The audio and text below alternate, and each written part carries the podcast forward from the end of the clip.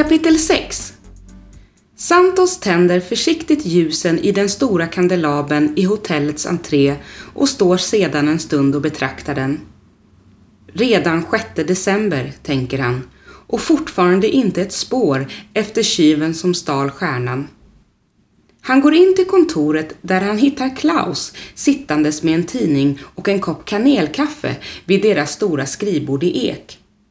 Har du läst tidningen idag? frågar Klaus och tittar på Santos som svarar Nej, jag har inte hunnit det än. Är det något spännande som står?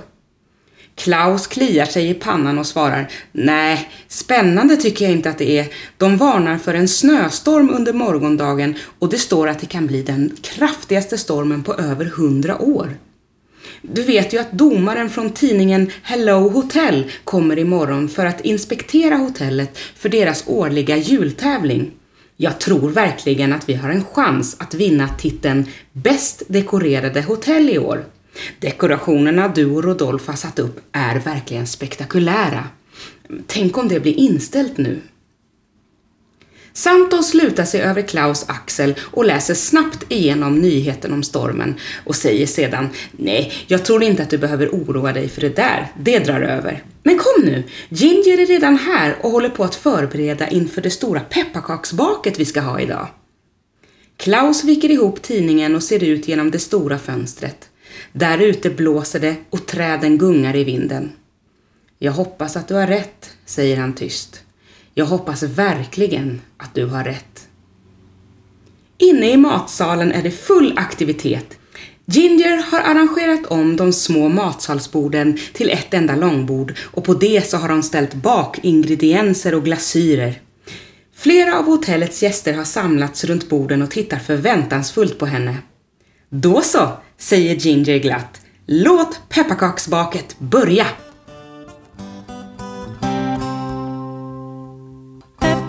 Pepparkaka, pepparkaka, låt oss nu tillsammans baka. Vem vill ha, ja vem vill smaka? Pepparkaka, pepparkaka, pepparkaka, pepparkaka, låt oss nu tillsammans baka. Vem vill ha, ja vem vill smaka? Pepparkaka, pepparkaka.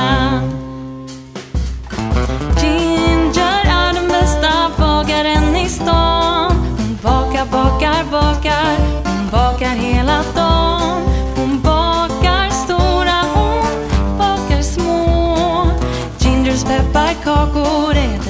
bästa du kan få.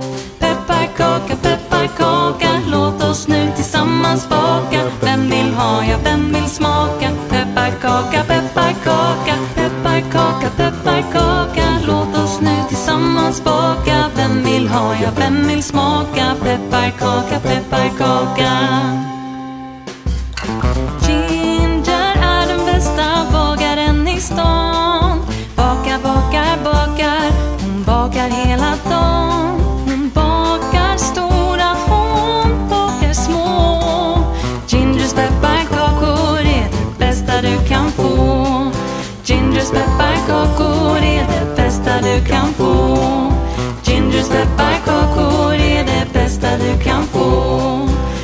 Gingers pepparkakor är det bästa du kan få.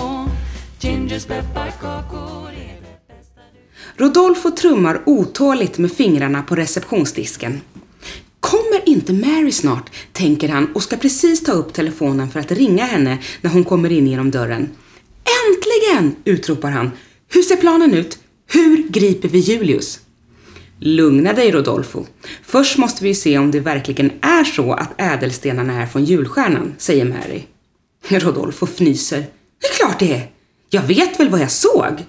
Okej, Mary ser ut att fundera. Vet du vart Julius Must håller till just nu? Absolut, säger Rodolfo. Han är med på pepparkaksbaket och vad jag såg så hade han inga ringar på sig för Ginger sa att alla smycken skulle av, för hygienens skull. Jag tror att de kommer att hålla på i ungefär en timme till så vi borde ha gott om tid på oss. Mary nickar och säger Bra, ta mig till hans rum så ska jag undersöka saken. Oh my god, det här är så spännande!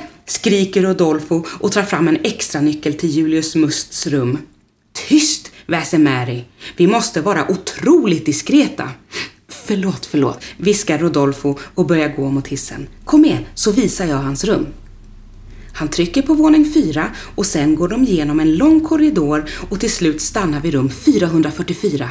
Rodolfo sticker nyckeln i dörren och går in framför Mary. Var tror du han förvarar ringarna? säger han och ser sig runt i rummet. Det är saker precis överallt.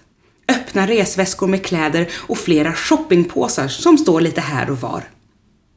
Ingen aning, men jag börjar leta vid nattduksborden och garderoberna så tar du badrummet. Hon börjar dra ut lådor och känner efter i kostymer och kappor som hänger inne i garderoben. Rodolfo öppnar badrumsdörren och blir alldeles häpen när han tittar in. Vid handfatet står det minst tio parfymflaskor och på golvet fyra par tofflor och ett av paren har till och med prislappen kvar. Nej, men det ser ut som han har tänkt stanna här i flera månader, tänker Rodolfo och öppnar badrumsskåpet. Han drar efter andan när han får se de vackra ringarna ligga där i en prydlig rad. Mary! ropar han. Jag har hittat dem! Mary kommer in och ställer sig bredvid honom. Få se! Hon tar ringarna och granskar dem. Sen tittar hon på Rodolfo med en ilsken min. Rodolfo, de här stenarna är ju inte det minsta lika de som sitter på stjärnan. De har ju en helt annan nyans och form. Va? Ge mig dem så får jag titta.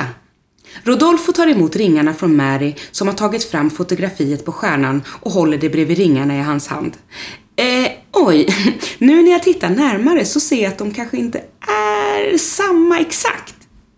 Kanske inte samma exakt, fräser Mary. Det är definitivt 100% inte samma.